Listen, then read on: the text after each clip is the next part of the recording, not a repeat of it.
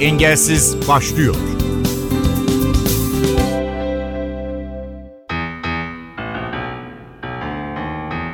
Galatasaray'ın ve milli takımın başarılı pivotu Maşide Çakır engelsizde bizimle. Genç sporcu tekerlekli sandalye basketbolu neden seçtiğini, sarı kırmızılı renklerle tanışmasını, sporun ona kattıklarını ve sosyal hayatta yaşadıklarını anlattı. Merak ettiklerimi sordum, iyi dinlemeler. Ben Maşide Çakır. Galatasaray tekerlek sahne basketbol sporcusuyum. 1990 yılında İstanbul'da doğdum. Spina bifidal olarak dünyaya geldim. 2013 senesinde de basketbola başladım. Ben 12 yaşındayken bir ameliyat olmuştum. Orada sağ olsun doktorumuz bizimle çok ilgilendi. Bizi okçuluk sporuna başlattı. O dönemki imkansızlıklardan dolayı devam edemedik. Belki devam etseydim şu an başka şeyler konuşuyor olurduk. Sonrasında Bağcılar'da atletizme başladım. Tekerlekli sandalye atletizme. İki sene onu yaptıktan sonra kadın oyuncu ihtiyaçları olduğunu söylediler. Basketbola geçiş yaptım. İki sene orada devam ettikten sonra iki senenin sonunda milli takıma seçildim. Milli takımda şu anda Fenerbahçe'de oynayan İsmail abiyle tanıştık ve o dönem Galatasaray'ın kaptanıydı. Beni takıma transfer etme sürecini başlattı. Hocayla görüştü vesaire. O şekilde Galatasaray'a transfer oldum. Okçulukta devam etmeyi çok isterdim. Gerçekten başarılıydım da. Ama dediğim gibi imkansızlıklardan dolayı doktorumuz çok uğraştı gerçekten. Buradan da ona selam göndermek isterim Ayşegül Bursalı'ya. Çok uğraştı ama okçuluk çok pahalı bir spordu. O dönemin şartlarıyla da yani destek alamadığı için mecburen bitirmek zorunda kaldık. Dediğim gibi ben ona 12 yaşında başlamıştım. Şu an devam edebilseydim belki de çok büyük rekorlara imza atmış olabilirdim. Çünkü çok küçük yaşta başlamak çok önemli. Sonrasında atletizmden basketbola geçiş yaptım ama hiç istemedim. Sadece kadın sporcuya ihtiyaçları olduğu için beni istemişlerdi. Zorla kapıma servis yolluyorlardı. Ben işte görmedim telefonu falan filan diye gitmiyordum. Sonra hoşuma gitmeye başladı. Eğlenceli gelmeye başladı. Arkadaş ortamı güzeldi vesaire. Sonra baktım başarılı oluyorum yavaş yavaş. Aslında takım sporu bir yandan çok eğlenceli. Ya sadece bir şey yaparken kendiniz için yapmıyorsunuz. Takım arkadaşınız için de yapıyorsunuz. Ya bu belki beni cezbetti bilmiyorum. Bir de sevdikten sonra zaten iş ilerliyor. Bir işi sevmediyseniz, bir sporu sevmediyseniz onda başarılı olma imkanınız yok. Bir ay önce falan gözüm mosmor geziyordum. Darbe aldım gözüme. Erkek sporcularla oynamak zor değil. Neden zor değil? Evet puanımız için oynatılıyoruz gibi gözüküyor ama ben buna asla inanmıyorum. En azından kendim için ben puanım için değil. Gerçekten sahada bir şeyler verebildiğim için oynadığıma inanıyorum ki bunu Sedat Hoca da kendisi dile getiriyor. Ya bizim takım kurgusu genellikle uzun oyunculardan kuruluyor. Aslında sadece kadın oyuncular değil düşük puanlı bütün oyuncular puana göre yerleştiriliyor. Önce uzun ve gerçekten sayıya skora katkı verecek oyuncular yerleştiriliyor. Son dönemlerde de ben zaten yaklaşık 7 yıldır falan yaklaşık 40 dakikalara yakın bir süre alıyorum ve hakikaten sadece puanım için değil orada bir emek verdiğim için yani takıma katkı sağladığım için orada olduğumu biliyorum. Erkeklerle oynamak zor değil. Neden zor değil? Sonuç olarak bu bir güç sporu değil. Yani hepimizin altında tekerlek sandalye var. Bir teknik bir spor. Yani o tekerlek sandalyeyi ne kadar iyi kullanırsanız o kadar sahada kalıyorsunuz.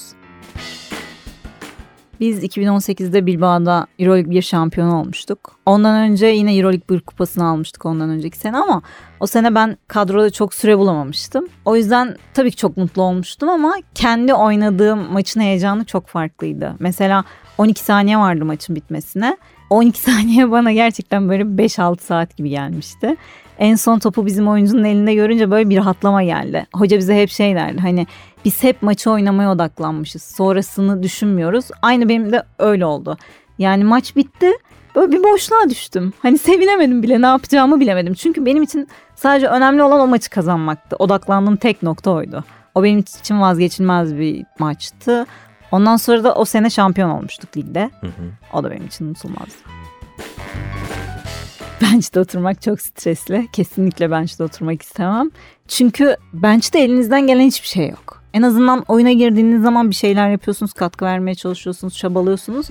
Ama bench'te zaman geçmiyor, süre bitmiyor. Bilmiyorum çok sıkıcı demeyeyim de zor geliyor yani orada oturmak. Ya çok büyük sorumlulukları var tabii büyük takımla oynamanın. Sadece o formayı giyerken değil dışarıda da yani davranışlarınızla, gittiğiniz ortamlarda bulunduğunuzda vesaire daha dikkatli olmanız lazım. İnsanlara örnek olmanız lazım.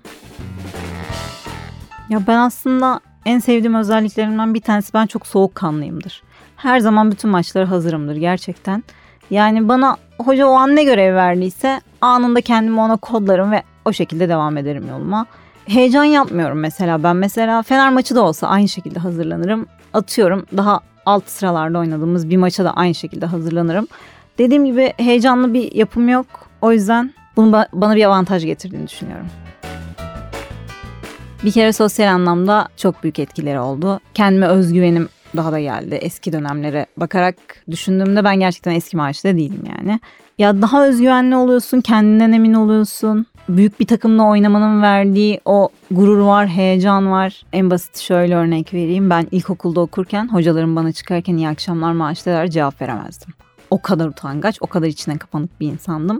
Yani mesela ilk defa tanıştığım biriyle asla böyle rahat rahat konuşamazdım. Haklarımı savunamazdım. Mesela ben o yüzden liseye gidemedim. Bizim aynı dönem ilkokulumuz lise oldu. Benim liseye geçtiğim dönemde. Ben kayıt yaptırmaya gittim babamla birlikte. Müdür bana şey dedi. Alt katta sınıf kapatacağını ve işte beni alamayacağını, şu kadar gün gelmezsem sınıfta kalacağımı vesaire hiç yardımcı olmadı.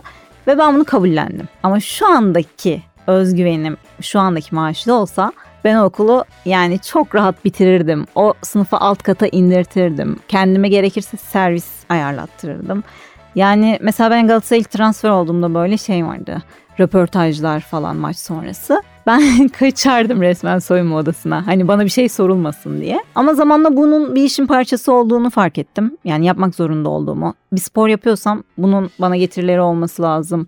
Bunu açıklamam lazım, insanlara anlatmam lazım diye düşündüm. Hı hı. Sonrasında yavaş yavaş bir şekilde bu noktaya geldim. Peki spor yaparken en çok ne zorladı seni? Spor mu, insanlar mı? Kesinlikle insanlar. Yani spor zaten gerçekten kendinizi verdikten sonra çok kolay. Ya sadece spor değil ki. İnsanlar hay- hayatın her alanında çok zorlu.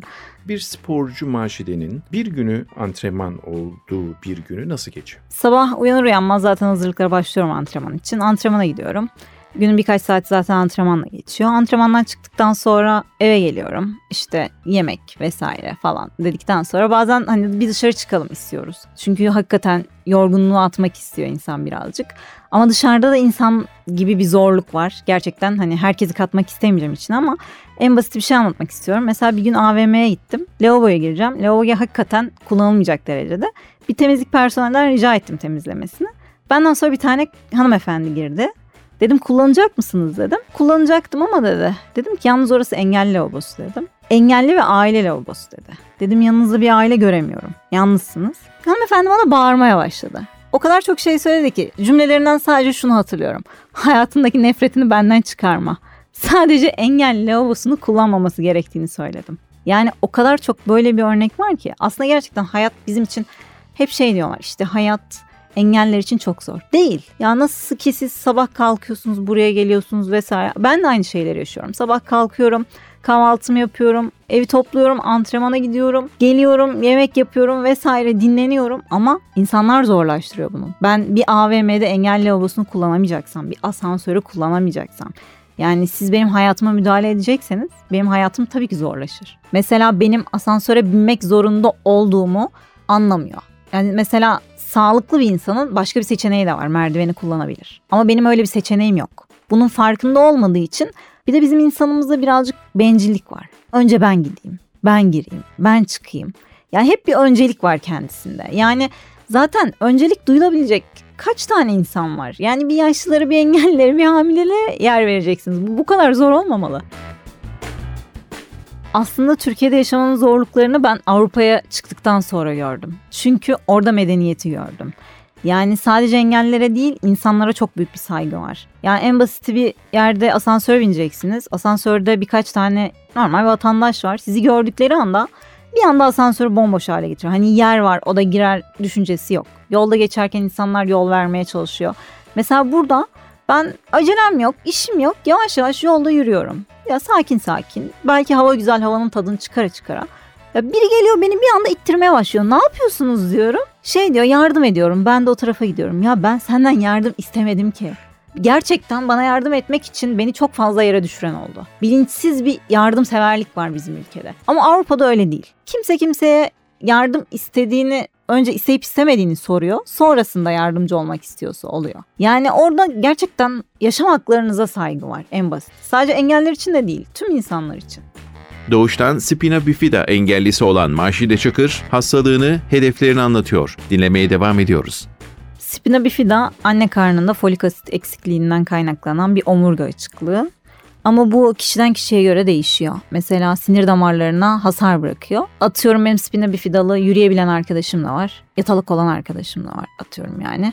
Benimki mesela ayaklarımda hissizliğe sebep oluyor belden aşağımda. Ama mesela belden yukarısında da sıkıntı yaratanlar oluyor.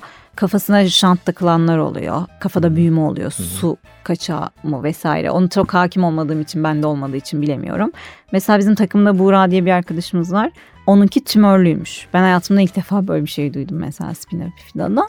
Yani sadece omurilikteki sinir damarlarına ne kadar zarar veriyorsa engel oranını o kadar etkiliyor. Peki yaşamını nasıl etkiliyor? Yani tekerlekli sandalye kullanan bir insanın hayatı ne kadar zorsa ya da kolaysa benimki de aynı şekilde. Hani hı hı. artı veya eksisi yok bir spina bifidanın. Seni diğer sporculardan farklı kılan bir özelliğin olduğunu düşünüyor musun kadın sporcular olarak? Yani daha önce de söylediğim gibi benim atletizmden gelmemden dolayı ya kadın sporcular oranla büyük bir hızım var. Sandalye sürüşüm. Yani daha iyi sandalye kullandığımı düşünüyorum. Gerçi ben özel hayatımda da öyleyim. Yani ben hiçbir zaman böyle çok narin bir kadın olmadım. Yani mücadeleyi severim. Korkmam. Mesela birkaç arkadaşım vardı böyle basketbola başlayıp da bırakan. Neden yapamadın dediğimde şey demişti. Top bana gelirken korkuyorum demişti. Ya mesela ben hiç öyle şeyler yaşamamıştım. Ben gerçekten hayatım boyunca da böyle hep sert bir karakter oldum. Güçlü bir karakter oldum. Ya aslında doğuştan engelli olmak bir yandan bakınca avantaj gibi gözüküyor. Dediğiniz gibi hayata bu şekilde başlamış oluyoruz ama bence bunun da bayağı bir zorlukları var. Çünkü benim küçükken hiç engelli arkadaşım yoktu. O yüzden de hani kendimi çok farklı görüyordum. Çok eksik görüyordum belki bilmiyorum. Ben de bayağı sorunlar, bayağı sıkıntılar yaşamıştım. Çok içine kapanıktım belki. Akran zorbalığı yaşadın mı? Yaşamadım. Aslında hiç yaşamadım. Arkadaşlarım gerçekten çok ilkokul arkadaşlarım olsun, çocukluk arkadaşlarım olsun hala hepsiyle görüşürüm. Hep bana çok yardım etmek istediler. Çok yardımcı olmak istediler, yanımda olmak istediler ama ben belki kendi içimde, kendi kafamda o kabuğu kıramamıştım bir türlü. Benim bence en büyük dönüm noktam Bağcılar Engeller Sarayı vardı. O dönem oraya kursa yazılmıştım ben. O kursa yazılmam oldu. Sonrasında orada engellere tanıştıktan sonra hep kendime şey dedim. Aa o ne yapıyor? Bakıyorum böyle. O yapıyorsa ben de yaparım. Ötekine bakıyorum. O ne yapıyormuş diyorum. O yapıyorsa ben de yaparım. Hep bu şekilde yani. Aslında engellerle tanıştıktan sonra benim hayatım birazcık toparlandı. Ben dediğim gibi belki atletizmin vermiş olduğu, belki benim kendi kabiliyetim. Dediğim gibi ben mesela benim amcam kickbox antrenörüydü. Ben kickbox salonlarında büyüdüm. Ben hiç naif bir kız olmadım yani. Benim toplasanız şu hayata kadar en fazla 10 tane kız arkadaşım olmuştur. Ben böyle hep erkek ortamında büyüdüm yani. Takımın en yakın turnuvası Şampiyonlar Ligi elemeleri olacak. Şubat'ın başında gidiyoruz. İnşallah grupta bir veya ikinci olursak ikinci elemelere katılacağız. Bu yıl takımımız hakikaten çok güçlü, çok iyi bir takımız. Yani işin sonunda gerçekten şampiyonluğa uzanabileceğimizi düşünüyoruz. Ligde de gayet iyi gidiyoruz aslında. Kötü bir mağlubiyet aldık. İşin sonunda playofflar var. Gerçekten lig bu sene çok kaliteli. Şu takım çok kötü, bu takım çok iyi diyemem. Ama bizim takımımız gerçekten çok kuvvetli ve çok güçlü. Bu yıl iki tane kupa alabileceğimize çok inanıyorum.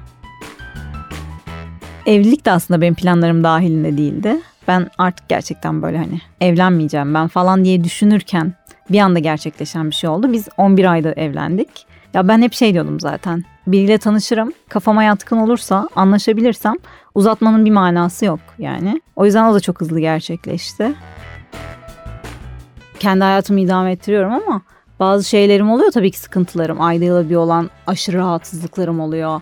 Mesela en basiti tekerlek sandalye oturan herkesin yaşadığı şey vardır. Sık sık enfeksiyon kapma falan vesaire. Bunları zaten ben evlenmeden önce anlattım. Ama ben hiçbir zaman şey düşünmedim. Ya ben engelliyim acaba neden benimle evlenmek istiyor gibi düşünmedim. Çünkü zaten ben kendi hayatımı tek başına idame ettirebiliyorum. Sadece yanımda olup bana destek olması gerekiyordu. Onu da yaptı zaten. En büyük sıkıntımız şeydi. Ya bu duş başlığını aşağı koy. Maşide Çakır'a teşekkür ediyoruz. Bu arada Galatasaray tekerlekli sandalye basketbol takımı Şubat ayının ilk haftasında Şampiyonlar Ligi'nde ülkemizi temsil edecek. Sarı Kırmızılı takımın baş antrenörü Sedat İncesu, NTV Radyo'ya turnuvayı değerlendirdi. İncesu, pandemi sonrası katılacakları ilk uluslararası şampiyonaya hazır olduklarını söyledi. Evet pandemi ve sonrasındaki 3 sene aradan sonra gerçekten özlediğimiz bir yerdeyiz. Tekrar Şampiyonlar Ligi, Şampiyonlar Kupası'na katılmak bizi gerçekten çok mutlu ediyor. Gruplar, biz A grubundayız. Grubumuzda ev sahibi Bilbao takımı var. Şu anda İspanya'da 3. durumda. Yine İtalya'nın önemli ekiplerinden Abruzzo takımı var. Özcan Gemi var, Türk sporcu. Orada da kendisi hem menajerlik hem de eski sporcu. Gerçekten o takım da iyi ve Fransa'dan Şanet takımı var. Gerçekten 3 takım da çok kuvvetli ve İngiliz ekolünden de bir takım var. Güçlü bir grup olacak ama e, tabii ki biz yine kayıpsız çıkmak istiyoruz. Ama kayıplı da olsa geri döndüğümüz için çok mutluyuz. Evet bu kupa ve diğer Avrupa kupalarında önemli dereceler elde etmiş bir takım Galatasaray Tunç Holding. Bu saydığınız takımlar daha önceki gruplarda da karşılaştığımız takımlar mıydı? Evet biz 2018'de Bilbao'yu evinde yenerek Euroleague kazanmıştık biliyorsunuz. Kazandığımız son Avrupa kupasıydı. Sonrasında da zaten 2019 ve 20'de başlayan işte pandemi sebebiyle bazı ertelemeler ve sadece belli takımların katıldığı şey olarak düzenlenmişti kupalar. Bizde resmiyeti olmadığı için katılmamıştık. Biz Beşiktaş ve geçtiğimiz sene Fenerbahçe. Bu sene artık her şey normale döndü ve katılıyoruz. Yani Bilbao da tabii ki Abruzzo takımı da eski Giuliano takımı daha önce şampiyonlar elemelerine ve finallerine ev sahipliği yapmış bir takım. Kan takımı gerçekten çok Fransa'nın önemli takımlarından bir tanesi. Hepsi de tanıdığımız ve güçlü rakipler. Elbette adı Şampiyonlar Ligi olduğu için de zaten kolay maç yok. Hazırlanıyoruz. Ligi nasıl değerlendiriyoruz? Devre arasında bir transfer planlamamız olacak mı? Evet biz 2018'den itibaren biraz daha e, vites düşürüp biraz daha gençlere ve sporcu yetiştirmeye şu anda takımımızda 15 yaşındaki Buğra var. Ondan sonra U22 milli takımdan yetişmiş Enes ve tekrar bu sene de tekrar U23'te dünya ikincisi olmuş Mücahit var. Biz geçen senenin sonuna kadar iyi planlama yapmıştık yani pandeminin biteceğini ve e, ondan sonra tekrar eski hedeflerle beraber tekrar zirveye oynamak için bir planlama yapmıştık. Bu planlama da tuttu. Şimdi de eski 3 tane sporcumuzla anlaşıp yine biz onlara kötü çocuklar diyoruz yani şaka olarak yani daha önce beraber kupa kazandığımız saha içerisinde gerçekten e, maçı domine edebilen sporcularla ve yaklaşık 4-5 senedir yatırım yaptığımız genç sporcuları birleşip yine üst hedeflere oynayacak takım hedeflemiştik. Bu sene daha birinci senesi. Devre arasında da sezon başında konuştuğumuz e, Mahdi var. Genç 20 yaşında bir sporcu, İran asıllı bir sporcu. Onunla anlaştık yani biraz da İran'daki problemler yüzünden daha erken geldi. Takımla antrenman yapma imkanı oldu. Bu şekilde ikinci devreye hazırlanıp ondan sonra Mayıs ayında hem kupa finalleri inşallah hem de Türkiye için en tepede bitirmek istiyoruz. Sizi bulmuşken milli takımı da bir soralım. Milli takımda ilk çıktığınız turnuvada önemli bir dereceyle tekrar bizi hak ettiğimiz seviyeye getirdiniz milli takım olarak. Önümüzde ne bekliyor bizi? Şimdi yine pandemi sebebiyle biliyorsunuz aynı Japonya gibi Japonya'da hem paralimpik finali oynadıktan sonra da yine kendi Asya bölgesindeki katıldığı turnuvada bizim de Avrupa'da olduğu gibi maalesef takımında çıkan pozitif vakalar sebebiyle diskalifiye edilmişti. Biz de buna tabii ki bir şey söyleyemeyiz yani gerçekten çok bulaşıcı bir virüstü. Ama maalesef böyle işte önemli ekolleri de takımlarında vuruyor. Biz de Avrupa'da katıldığımız şampiyonada takımımızdaki vakalar sebebiyle B ligine düşmüştük yani maçlar oynayamadığımız için. Tabii ki B ligi bizim ligimiz değil. Orada düzgün bir yapılanmayla belki tekrar biraz gençlerle takımın tecrübelerini birleştirerek güzel bir takım kurduk ve B liginden çıktık. Şimdi Ağustos ayında Rotterdam'da Avrupa Şampiyonası var ve 2024 Paris Olimpiyatlarına, Paralimpik oyunlarına katılmak için de kota almamız gerekiyor. IPC ile IWF'in yaşadığı bir problem vardı biliyorsunuz. Bu IPC kodlarına uymuyor diye bazı 4,5 puanlık oyuncular dışarıda bırakılmıştı. Sanıyorum bu problemden dolayı da normalde 14-16 takımla katılan Paralimpik oyunları maalesef 8 takıma indirildi. Bu yüzden de ciddi bir kota düşüşü oldu. Bizim şimdi gördüğümüz ilk mutlaka zaten kalitemiz de o, hedefimiz de o. Elbette şampiyonluk veya final oynayarak bu kotayı almak. Ama tabii ki çok sıkıntılı olacak çünkü bütün takımlar Paralimpik oyunlarına katılmak için 2024 Paris'teki ilk ikiyi zorlamak zorunda. Bence müthiş bir turnuva olacak. Ama inanıyorum biz yine büyük ihtimalle yani İngiltere ile beraber bu oyunlara katılacağımızı düşünüyorum. Hazırlıklar Nisan ayında hızlanacak. Şimdi daha çok zaman olduğu için ligde çok sert ve iyi geçtiği için sporcular iyi hazırlanıyor. Nisan ayında Belçika'da düzenlenen uluslararası önemli bir turnuva var. Kanada, Amerika, İngiltere, İtalya gibi takımların katıldığı, Avustralya aynı şekilde. Biz de o turnuvayla başladıktan sonra Umuyorum Haziran sonunda Türkiye'de bizim daha önce katıldığımız, kulüpler olarak katıldığımız kıtalar arası turnuvayı milli takımlar bazında Türkiye'de yapmak istiyoruz. Kıtaların buluştuğu yerde kıtalar arası turnuva gibi İstanbul'da.